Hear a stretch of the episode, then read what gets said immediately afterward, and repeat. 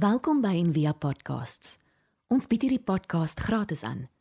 Om 'n bydrae te maak, besoek gerus ons webblad en via.org.za vir meer inligting. Ons praat 'n bietjie oor Frida nou gesê het oor die vier evangelies en en die en wat elke een van ons wys van spesifiek wie Jesus is en wat hy kom kom vir ons kom leer het en kom doen het en so. En net om 'n bietjie oor die Bybel te praat as as dokument. Ek meen dis nog steeds die beste verkoper in die wêreld en uh, nog steeds in die meeste vertale vertaal van enige boek ooit. En dit is 'n kontroversiële boek en mense beklei daaroor nog steeds. En elke keer as ek as ek oor die Bybel praat spesifiek en ons praat spesifiek oor 'n boek in die Bybel, dan onthou ek altyd en ek weet nie of enigiemand hier Simpsons kyk. Onthou jy Simpsons? Daar's 'n een scene, nê, nee, dan sit Homer in die kerk en dan gebeur so toneel speel af in 'n bietjie van 'n drama in die kerk en Homer gryp die Bybel en hy blaai so deur dit, so vinnig en hy sê hierdie boek het nie antwoorde nie. maar dit en dis presies so snaaks want dit is die waarheid. Want as die Bybel 'n boek is oor antwoorde, net dan doen die Bybel 'n baie baie slegte job daarvan. Nee, want daar's nie 'n bladsy wat jy kan gaan. O, ek wonder wat sê die Bybel oor hierdie en dan sal mooi weet 'n lysie wat vir jou neergeskryf is. Dit is baie moeilik eintlik. Maar as die Bybel se doel is om gesprek te ontlok en as die Bybel uh, se doel is om jou te formeer in 'n beter mens en dan doen dit 'n amazing werk. So ek dink baie keer kom ons na die teks toe met verkeerde vrae. En ons wil leer dit iets doen wat nie kan doen nie. So ek vandag praat ons 'n bietjie oor Matteus en ek gaan so vir ons so 'n hele amper so 'n groot blik gee oor Matteus en amper deur die hele boek van dit hardloop en vir te wys wat die boek van Matteus, die evangelie van Matteus oor Jesus sê oor wie hy is en wat hy gedoen het en dit is baie interessant. Dit is baie radikaal. Daar gaan dalk goed wees wat vir jou ontstellend is, daar gaan dalk goed wees wat jy dink, "O nee, ek het dit geweet" en dalk so vir goed wat nuut is en goed wat oud is. En um, net om so 'n bietjie te verder te begin. Ek ken ons hierdie tyd van die jaar, ek weet nie of dit vir julle ook so voel nie, maar dit voel altyd vir my hierdie tyd van die jaar, dit voel vir my laas jaar hierdie tyd was dit nog Julie. Nee, ek het dit as jy so vinnig hardloop. Onthou jy as jy klein was, nie hardloop by heuwel af of by 'n sandduin af. En ons het dit daai oomblik wat jy agterkom ook krap. Nee. As ek nou vinniger hardloop nie, dan gaan ek val, nê. Nee. Maar jy kan nie nog vinniger hardloop want jou bene gaan al 100 myle per uur, nê. Hierdie tyd van die jaar voel vir my altyd so dit. Ek hardloop regtig, ek beloof op my heel vinnigste. En maar dit die, die wêreld gaan nog vinniger. En ek dink ons lewe oor die algemeen lewe ons baie reaktief. So goed en dit gebeur ook wanneer ons onder druk is en wanneer goed baie vinnig gaan ons lewe reaktief. So iets gebeur en ons reageer op. Iets gebeur en ons reageer op. En in plaas daarvan om te dink oor weet wat is goed, wat is regverdig, wat is die wat is die waarheid, dan reageer ons net op wat ook al gebeur in die media en goed. En veral en ek dink baie keer, eers dan dink ek ons kan sulke sakkers wees want politikuste sal ook net sulke aas uitgooi, nê? Nee? So hulle gooi net 'n klip in die bos om almal uit te freak, want hulle wil net bietjie in die koerante wees. Dis eintlik wat aangaan. En dan ons wat so vinnig leef en so reaktief leef, gryp dit dan en maak 'n groot sien daaroor en oor 3 maande is dit verby en ons sê wat het nou gehoor van daai gesprek? Dis nou of um, en ek meen koerante is ook vir my ek ek hou niks van daaglikse nuus nie ek lees en ek baie min daaglikse nuus want ek dink koerante se hoofdoel is om koerante te verkoop So koerante se hoofdoel is nie om nuus te bring hier om koerante te verkoop. So en ek wil nie in daai stelsel gaan nie, maar dit maak jy net al hoe meer reaktief. En dit dit maak ons bietjie crazy en ek dink Afrikaners ook, ons het so 'n manier, ons is baie pragmaties. Ons is baie pragmatiese mense, nê? Op 'n mensegroep. Ons sê boer maak 'n plan. Jy maak dit werk. Nê? En die probleem met dit is is ja, is soos ja, dit werk, maar die ding is om mekaar vasgedaktyp. Dit is nie die beste ding nie. Is dit regtig goed? Dis is ons moet 'n plan maak. Ons ons moet hierdie ons moet hierdie kragstasies laat werk en ons is so okay, diesel. Nee, dis nie die dis nie, dit werk. Nee, vir nou. Nee, dis nie wys nie. Dis nie deurdenking, is dit regverdig, is dit goed? So daai ding en ek dink Matteus en Jesus veral spreek wysheid aan om te sê hoorie maar dink 'n bietjie verder om nie net te reageer nie, om te dink maar hoe lyk hierdie ding? En ek dink ook weet o, hierdie quote van Len Holman so skrywer. Hy sê we've become a nation of thoughtless rushes doing before thinking and hoping what we do naturally works out. Né? Nee? Ons doen dit ons doen ons hoop dit werk, né? Nee? If it doesn't, we rush to something else. Something also not well thought out and then hope for more magic. En uh, hoeveel keer het jy dit gesien in die nuus of by die werk of so, ons net so gaan van ding na ding na ding. Ons gaan hierdie ding probeer en oh, kyk, ons doen hierdie om te gaan net werk nie, doen hierdie ding net werk nie. In plaas van om te stop en te dink. En om dit nog bo-op te laai, lewe baie van ons uit ons vrese uit ook. En ons probeer ook net meer goed bymekaar maak om meer veilig te wees want ons want ons ons lewe uit in, in vrees en ons soek daai classic 3 wat ons baie oor praat by Envia aanvaarding en mag en sekuriteit. En die mense is vir my so 'n vreemde ding. Nou ek lees nou eendag ek dink dit was in Time magazine nou dat die nou dat die ice caps smelt kyk wat wat beklei almal nou oor. Oor wie gaan dit nou myn? Dis nou die grootste bekleierery. Oor wie gaan wie kry nou die mynregte onder die ys wat gestaan ek hoorie kan julle net ons net 'n plan maak dat die ys weer terugkom in plaas van om nou te probeer myn. Maar dis wat ons doen. Ons lewe uit ons vrese en ons probeer al hoe meer en meer mekaar maak om genoeg te hê en net ekstra te hê in geval en om groot genoeg kussings te bou en onsself te panser met status en titels en al hierdie goed en ons hardloop almal in hierdie reis in plaas van om te stop en te kyk en te dink oor wat is eintlik regtig goed. Ek is 'n groot fan van Lily Tomlin En sy sê the trouble with the rat race is that even if you win, you're still a rat. en ons is vasgevang in dit. En uh, en geloof ook, godsdiens, nê? Nee, baie keer dan is dit ook net een van die maskers wat ons opsit. En dit is een van die goeders wat ons gebruik om onsself te help panser teen die wêreld en ons ego in stand te hou, nê? Nee, want daai ding on, ons hier in hierdie kerk, ons is verlig. Weet, ons is nie soos hulle, dis soos hulle nie. Ons sê hulle hulle weet nog nie nê? Of ons is reg. Ons het die waarheid. Ons weet hoe om die Bybel reg te lees. Sien ek nou hoe ek nou sê hoe om die Bybel reg te lees. Ek dis 'n paar probleme met daai sin. oor ons en hulle. En is nog net nog een ding wat ons met mekaar sit. So so die vraag is dan hoe leef ons? Weet hoe leef ons as volgelinge van Jesus? Hoe leef ons met wysheid? En hierdie is my soos 'n massiewe deel wat Matteus antwoord. So die Bybel gee vir ons 'n gids om te leef, hoe om om te gaan. En die Bybel oor die algemeen die oorsprong daarvan, die die boeke wat in die Bybel vasgevang is of ingesit is op die ou einde, moes drie goeters doen. Een, dit moes iemand wees wat naby aan Jesus geleef het, eerstehandse kennis of iemand wat naby aan die mense geleef het wat eerstehandse kennis gehad het. Reg, eerstehandse kennis. Dit moes die evangelie bevat, die goeie nuus van redding. Dit moet dit in hê die storie van Jesus aan die kruis, daai teologie moet in hê. En die derde ding is eintlik vir my die naaste een. Dit moet die een wees wat die meeste gelees word en wat die mees transformerend was vir mense. Dit wat mense nie genoeg kan van kry. Hulle het heeltyd dit oor en oor en oor en oor en oor geskryf. Daar's al duisende kopieë van Matteus. En van die ander evangelies wat nie ingesluit is nie, was net 'n paar kopieë. En hierdie sê net maar Matteus of Markus of Lukas het mense gesê, "Hoe mense lees dit so baie en dit transformeer en dit verander hulle lewens." So Matteus vertel twee goed vir ons oor Jesus. Twee spesifieke goed. Hy skryf vir 'n Joodse gehoor. So hy wil hê hulle moet twee goeie verstaan oor wie Jesus is. So hy sê dat hy wil hê hulle moet weet Jesus is die Messias, die redder wat kom en Jesus is soos Moses. Die nuwe groot leier, die nuwe Moses wat kom die een wat die wet bring. So Moses het die wet gebring, die Torah, die eerste 5 boeke van die Bybel, reg?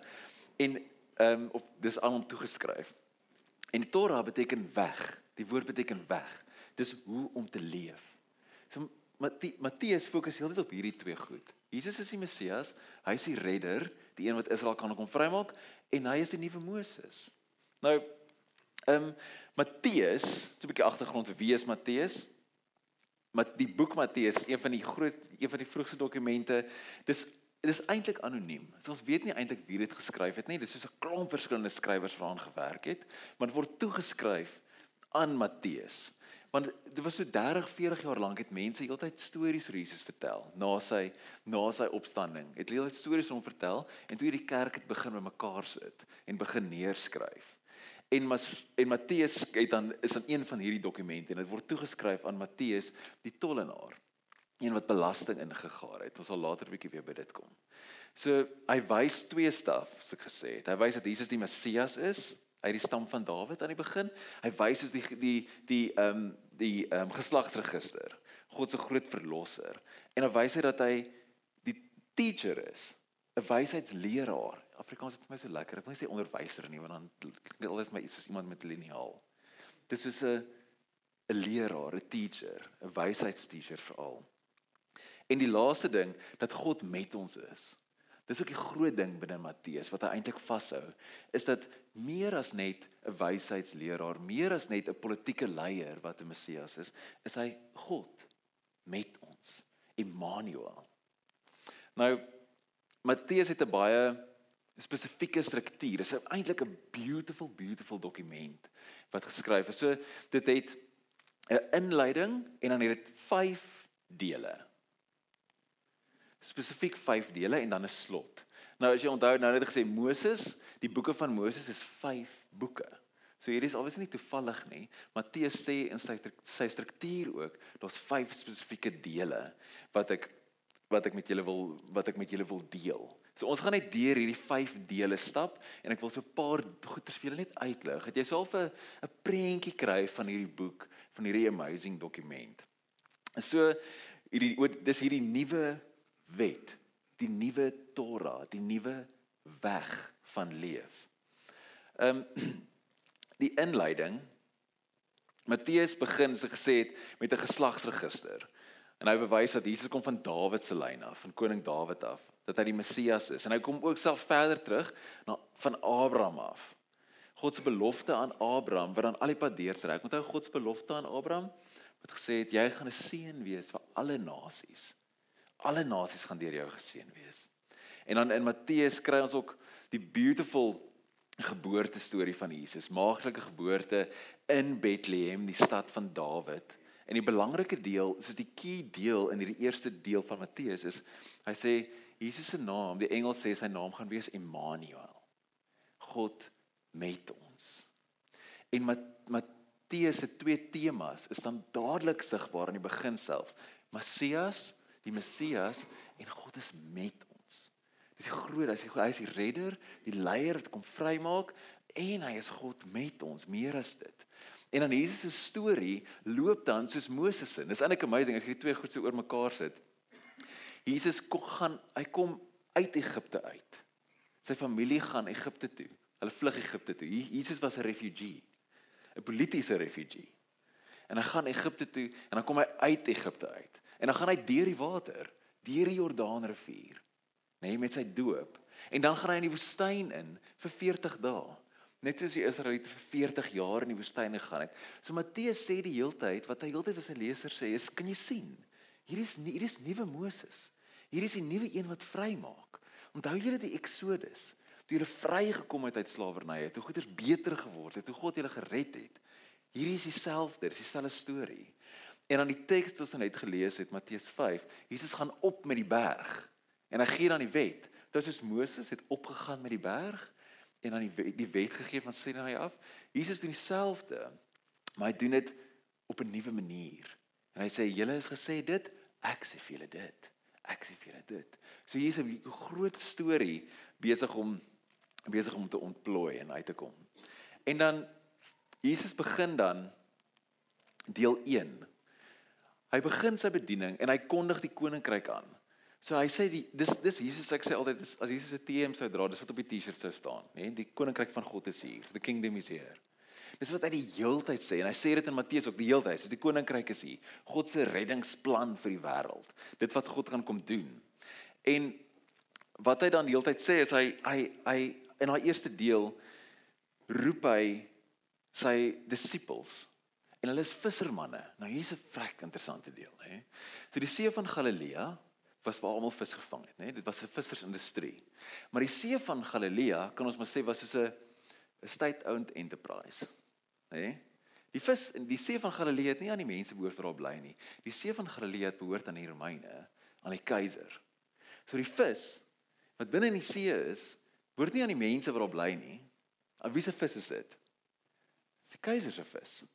Nou as jy net daar hard werk en jy vang al hierdie keiser se vis en jy kom dan op die rand en dan wie wie sit daar op die rand by die hawe? As ons daar in Israel is en is ons naby daai plek aan. Wie sit daar op die rand? Die tollenaar. Die belastinggader. En dan vat hy van die van die akademikus se reken tot 60% van jou vis. Nou werk jy so hard om jou familie te ondersteun en jy moes 'n lisensie koop om in hierdie om om in hierdie meer te kon vang. En dan vat hulle 60% van jou vangs. Nou wat Jesus doen is hy roep vissermanne. Mense wat onderdruk word in hierdie stelsel en hy haal hulle eintlik uit daai stelsel uit. Hy vat eintlik daai arbeiders weg van die keiser af. En dan roep hy nog een van die tax collectors ook wat die vis sou vat, wat Matteus is. So die storie raak bietjie baie interessant en vol kleur. En Jesus sê die heeltyd in hierdie deel 1, sê hy van toe af het Jesus gesê bekeer julle want die koninkryk van die hemel het naby gekom.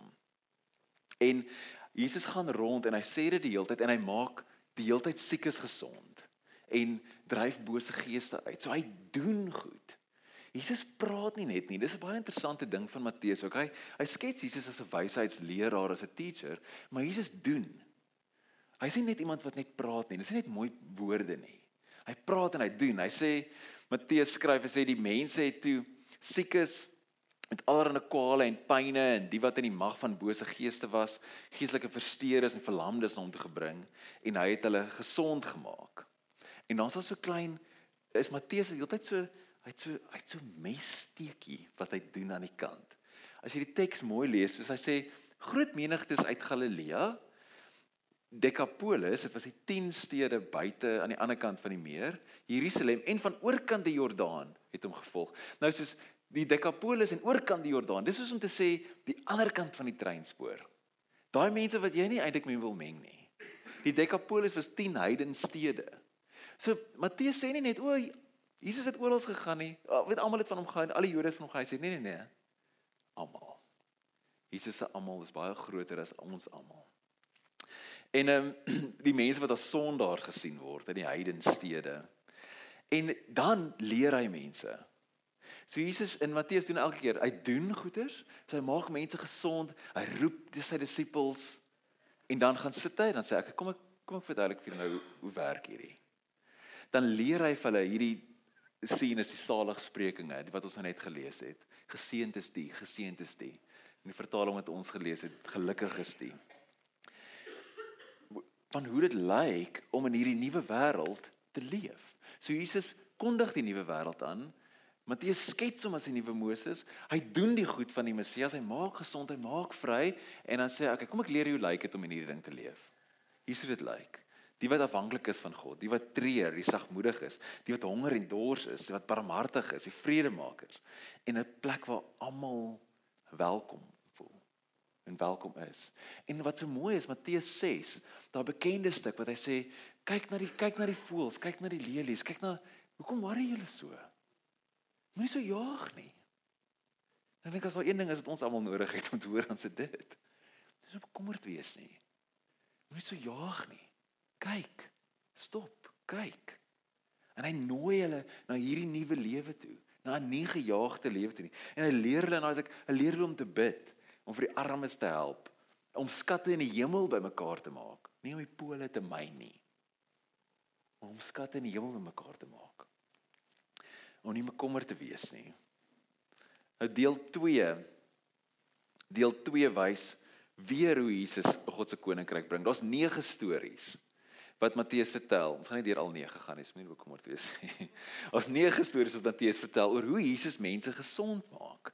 En ons een wat ek wil uitlig. En hier is 'n dis 'n vrek interessante storie. Ek was nou vir so 'n klein rukkie in Amerika so op so 'n retreat en toe lig iemand dit daar uit. Dog ek my heerlikheid. Ek het dit nog nooit raak gesien nie. Dit is so flippend clever. Daar's 'n 'n deel waar ehm um, Jesus in Kapernaum aankom en daar's 'n offisier by hom wat kom hulp vra, the centurion en sy slaaf en die offisier vra hom: "Here, my slaaf lê by my huis verlam en verduur baie pyn." Nou hierdie is so 'n baie interessante teks. Nou, 'n offisier, dis is om te sê, dis is die die die kolonialis, die verdrukker wat kom na die Jode toe en sê: "Help my." En wat gaan jy doen? As die ou wat heeltyd wat die belasting op jou druk, wat jou mense in slawerny omtrent indruk wat jy mense doodmaak en doodstaan. Hulle daai een van daai ouens kom na jou toe en sê help my. Meeste van ons sê sorry chom, jy's op jou eie. Nee, so Jesus doen nie. Hy maak hy maak die slaaf gesond. Nou maar hier's wat nog meer interessant is. In die Lukas verhaal, Lukas vertel dieselfde storie. Lukas verhaal dan sê dit dit hier hierdie slaaf, die offisier was baie lief vir hierdie slaaf gewees. Hy sê ek het omgegee vir hom. Ek was baie diep vir hom omgegee. En in die Matteus vertaling, in Matteus teks, die Grieks vir slaaf is pais, P A I S, pais, hè? Lukas gebruik doulos. Doulos beteken slaaf, soos 'n dienaar, 'n slaaf. Matteus gebruik 'n ander woord, hy gebruik pais. En pais beteken seun, boy. En toe sê die een ou vertel hy sê, "O, die storie oor the centurion and his boy." Sê ek so, "Oh my word." Romeinse offisier het nie getrou nie. Nê? Nee? Jy mag nie getroud wees as jy in die army is nie. Dis nie wat hulle gedoen het nie. En ons weet uit die geskiedenis dat Romeinse offisiere het jong manne saam met hulle gehad wat hulle diensknegte was en dit was ook 'n intieme verhouding. Raak dit so wag 'n bietjie, wat gaan hier aan? Nou Jesus sê niks daaroor nie, maar wat hy sê na die tyd want die die die offisier sê vir hom jy kan nie jy jy, jy ek wil nie sê jy moet my huis kom nie. Sê net, sê net en dan sal hy gesond wees. En Jesus sê, "Is reg, ek sê so, hy sal gesond wees." En Jesus draai om na die res van die mense toe en sê, "Nêrens in Israel het ek nog so groot geloof gesien nie." Shocking, né? Nee? Heeltemal anders as wat mense sou verwag. En Jesus gaan dan verder deur hierdie tweede deel en hy maak die storm stil. Hy genees 'n besetene, daai storie met die varke. Hy genees die besetene, hy genees 'n vrou met bloedvloeiing, twee blindes, 'n stom man en al hierdie mense is uitvaagsels, mense wat verwerpsig geword het. Blinde mense het hulle geglo kan jou vervloek. 'n Vrou met bloedvloeiing is onrein en vuil. 'n Besetene en varke, al daai hele storie. Jesus doen iets radikaal anders in hierdie deel.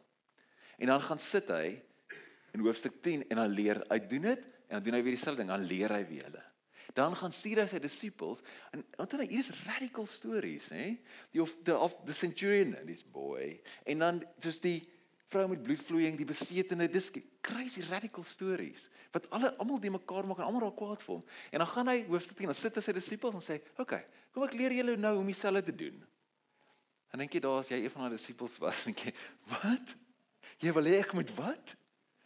Dis ek ek weet my ma waar ek is. Dis daai skok om te sê Jesus sê hy stuur sy disippels uit om dieselfde te gaan doen, die buitestanders te gaan genees, om hulle binne toe te bring. En hy sê vir hulle ook, hy sê hoorie, hierdie gaan nie goed afgaan met sommige mense nie. Mense gaan vir julle jaag. Maar hy vertel, hy sê Jesus sê hy bring iets nuuts, maar dit is ook soos 'n swaard. En dit gaan ook skeiding veroorsaak, want dit is nie maklik nie. En ons maak Jesus baie keer so maklik. En dan kry ons in die in die derde deel kry ons al die reaksies op Jesus. So hy doen al hierdie kruise goed en dan sal verskillende reaksies. Ons sien party is positief. Hier is Johannes die Johannes die Doper. Party is positief. En hulle sien Jesus, nee, dis die Messias. Hierdie is wat redding beteken. Dis verseker wie dit is.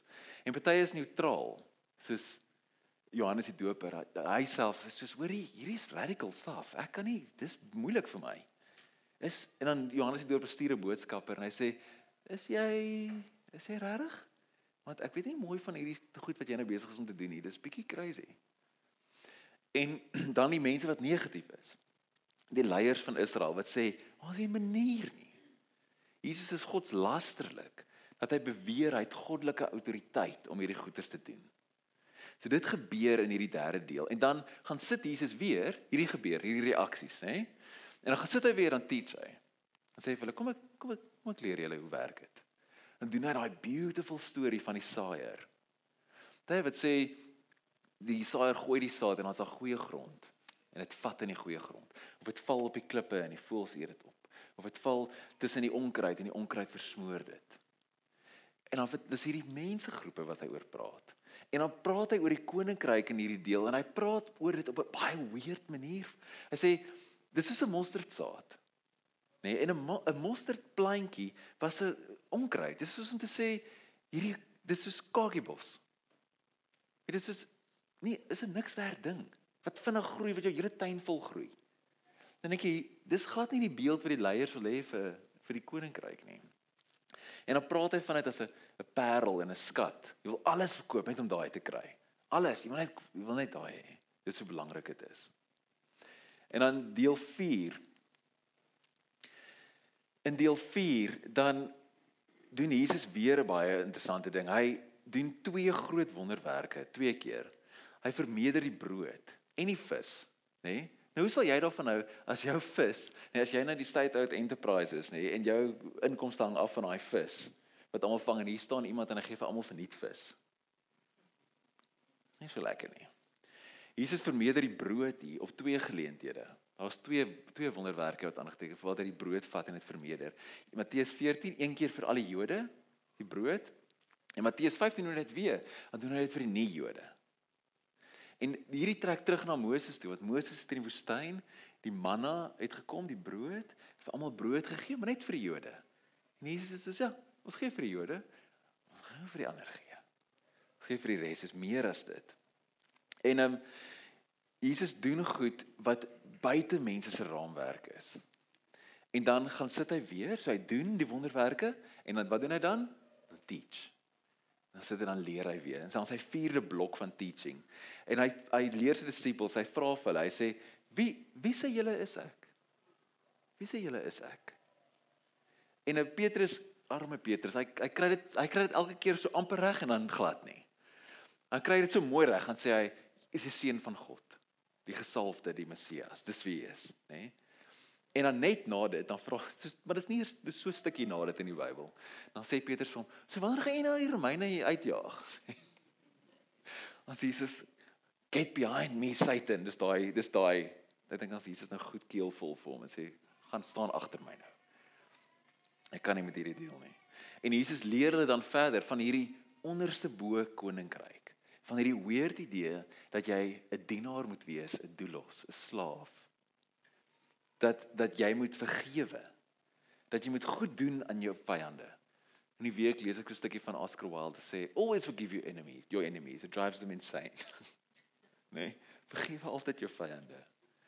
En dan om die dienende Messias te volg, moet jy self ook begin dien.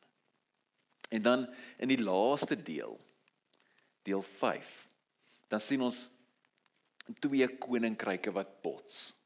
Ons sien hierdie koninkryk wat Jesus aankondig en die koninkryk van die leiers van Israel, hoe hulle dink dit moet wees. En ons sien hierdie twee goeders wat kop aan kop kom en die heeltyd begin begin slaan.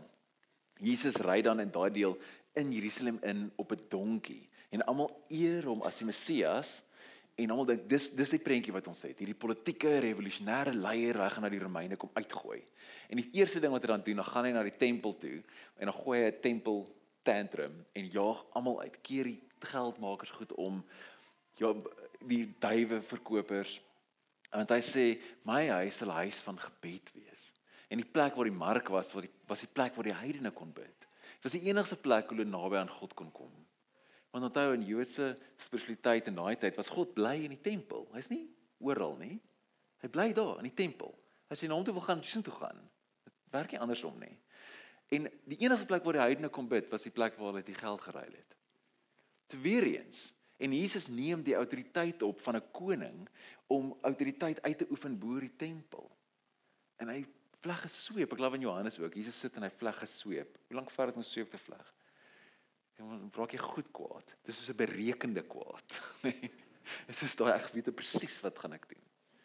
En hy doen hy doen dit baie intentioneel en baie mense sal sê hierdie was die laaste strooi. Toe die Joodse leiers besluit, dis nou so. Ons gaan hom nou doodmaak. En dan kry ons Jesus se laaste blok van teaching.